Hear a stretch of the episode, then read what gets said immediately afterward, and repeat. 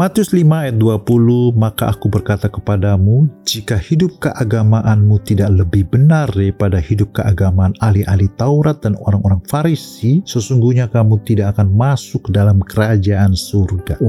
Waduh, orang Farisi itu kan ketat sekali beribadahnya. Nah ini Tuhan Yesus bilang kalau kita nggak lebih benar hidupnya daripada mereka, kita nggak bisa masuk kerajaan surga. Apakah bisa kita melakukan itu? Tentu saja dengan kekuatan kita sendiri tidak mungkin kita bisa melakukan. Tapi inti daripada perkataan Tuhan Yesus adalah kita harus memiliki standar pencapaian yang lebih tinggi dan setiap hari dalam hidup kita sebagai orang percaya memohon kekuatan dari Tuhan dan mengandalkan Dia supaya hidup kita menjadi lebih baik lagi, lebih benar, lebih penuh kasih dan kepada Tuhan dan kasih terhadap sesama. Tuhan Yesus bilang kita harus menjadi serupa seperti Bapa di surga. Memang tidak bisa dengan kekuatan sendiri, tapi percayalah bila kita mendekat kepada Tuhan setiap hari, kita akan diubahkan menjadi serupa seperti